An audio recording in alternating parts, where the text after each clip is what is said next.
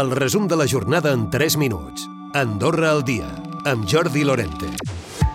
Tancades les grans línies polítiques de l'acord d'associació amb la Unió Europea, un acord que, segons el govern, respecta les excepcions reclamades. Una vegada tancat l'acord sobre aquestes grans línies polítiques, s'ha d'iniciar el procés del redactat final. Xavier Espot, cap de l'executiu. Eh, I a partir d'aquí, doncs, s'inicia eh, un treball, diguem, de, de més fi, de, de, de, de, de redacció de l'acord, eh, d'aclariment doncs, aquells aspectes que puguin ser dubtosos, però sense posar en entredit, doncs, com dèiem, aquelles grans línies polítiques i, i havent respectat, evidentment, eh, en tots i cada, totes i cadascuna d'aquestes grans línies polítiques, les línies vermelles que nosaltres ens havíem imposat doncs, al principi de la negociació. No?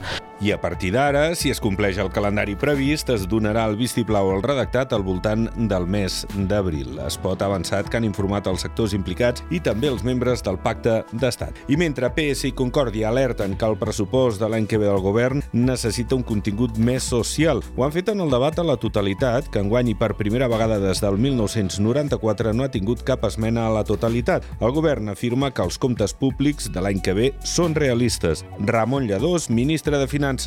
Estem reforçant l'estat del benestar eh, des d'aquest pressupost.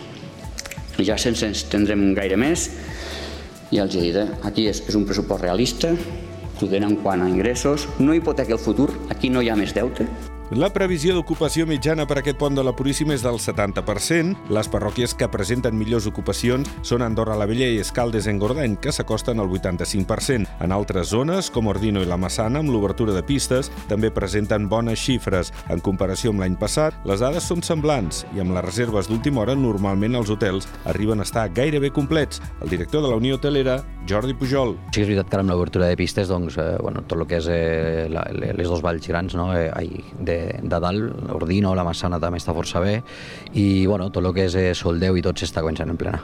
Bueno, crec que seran unes xifres molt similars. Eh, de fet, és un pont que dos punts amunt, dos punts avall, normalment sempre el tenim no al 100%, però sempre passem al 95%. La Fiscalia demana 4 i 5 anys de presó per a dos germans empresaris acusats d'amenaçar i extorsionar un home que els devia 180.000 euros. També sol·licita 4 anys pel sicari que haurien contractat per cobrar aquests diners. La defensa en reclama l'absolució perquè creu que no hi ha res més que comentaris i un amic que els volia ajudar. I el McHappy Day va recaptar 3.600 euros destinats al Centre Residencial d'Acció Educativa La Gavernera. La jornada solidària es va celebrar el 24 de novembre, coincidint amb la setmana del Dia Mundial de l'Infant i la Fundació Privada Nostra Senyora de Meritxell va recaptar prop de 30.000 euros en la gala benèfica El teu gest, el meu èxit, un total que es destinarà al projecte d'accessibilitat cognitiva de l'entitat que té per objectiu adaptar els seus espais i documentació amb dissenys universals. Recupera el resum de la jornada cada dia a AndorraDifusió.d i a les plataformes de podcast.